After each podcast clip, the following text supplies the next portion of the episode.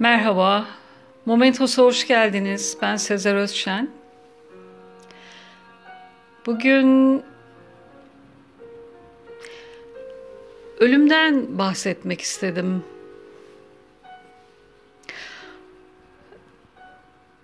Sonuçta bu dünyada hiçbirimiz kazık kalkmayacağız. Ötenazi hakkını kullanmak isteyen birisinden bahsetmek istiyorum. Ölmekten başka çaresi kalmayan bir kadının hikayesi bu. ALS hastasıydı. Ağrısını dindirmenin başka bir yolu kalmamıştı. Acılar içinde eriyerek kaybolmaktansa ötenazi hakkını kullanan Amerikalı sanatçı Betsy Davis bu taraftaki son 48 saatini her ayrıntısını planladığı bir partiyle dostlarıyla kutladı. Gider ayak insanoğluna hayatın sıcaklığı, ölümün hafifliği üzerine küçük bir masal anlattı. Bilinmezlikten, bilmediğinden korkar insan. Kimse bilmez ölümün aslında ne olduğunu. Bu yüzden insanlığın en büyük korkusudur ölmek. Kim bilir belki de Sokrates haklıdır. Belki de insana verilen en büyük iyiliktir ölüm.'' Betsy Davis'in hayatta en sevdiği alıntılardan birinin bu olması tesadüf değildi. Hayatını tesadüflere bırakmayan, yaşamını heykelle, resimle, sanatla anlamlandıran biri için belki de tek tesadüf ummadığı bir anda ölümcül bir hastalığa yakalanmasıydı.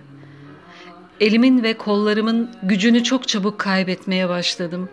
Tüplerden beslenerek, makineye bağlı yaşamak, nefes alarak bu şekilde yaşamak istemiyorum.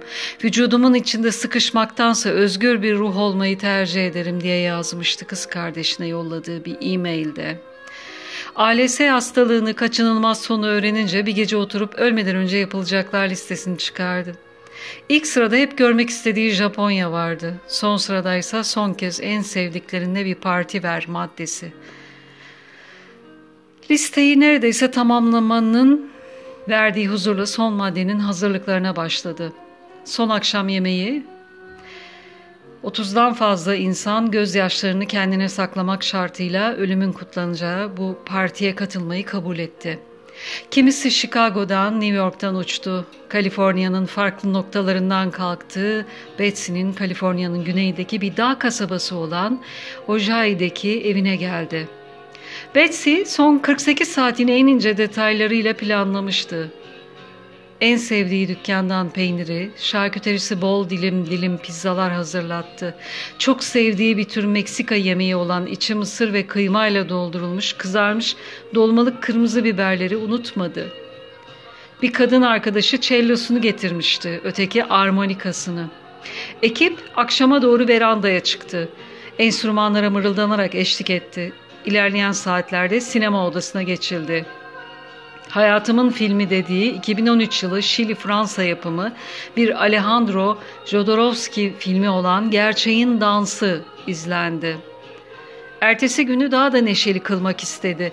Er herkesi tek tek odasına çağırdı. Dolabındaki abuk kıyafetleri denemelerini ve hatıra olarak bir parça almalarını istedi. Sanki bir moda komedisi kahkahalar, selfiler, Ünlülere yöneltilen anketlerde denk geldiği nasıl ölmek istersiniz sorusuna karşılık hep güneş batımını izlerken uyuyakalmak diye mırıldanırdı içinden. Yatağıyla az ilerideki tepeye götürmelerini isteyecekti. Ölmek için en iyi saati düşündü. Hem güneşin batışını kaçırmamak hem de gece yarısı olmadan bilincin kapanmasını istiyordu. 6.45'i seçti. 6.30'da bakıcısı doktoru ve kardeşinin yardımıyla parti kıyafetini çıkartıp son Japonya seyahatinden aldığı beyaz mavi çizgili kimonoyu geçirdi üstüne. Ve pentobarbital, morfin ve bir tür sakinleştirici olan kloral hidrattan oluşan ölüm kokteyli hazırdı. Üzerine biraz Hindistan cevizi sütü, bir kaşık şeker ve biraz tut, bir tutam tuz eklenmesini rica etti. Son nefesini verirken ağzında kalacak tadı bile çoktan karar vermişti. Mayhoş, tropikal bir Hindistan cevizi tadı. Herkese el sallayarak tekerlekli yatağıyla partiden ayrıldı. Arkadaşı istediği noktaya kadar sürdü onu tam güneşe doğru. Akşam kızıllığını derin derin içine çekti. Yüzünü ısıtan güneş karşısında kocaman gülümseyerek uykuya daldı. Yara almadan ölmeyi seçti. Ölmenin bin yıllık tarihini yeniden böyle yazdı.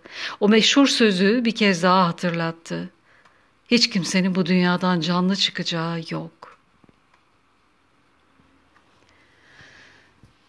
Dinlediğiniz için teşekkürler. Hoşça kalın. Momentos'la kalın.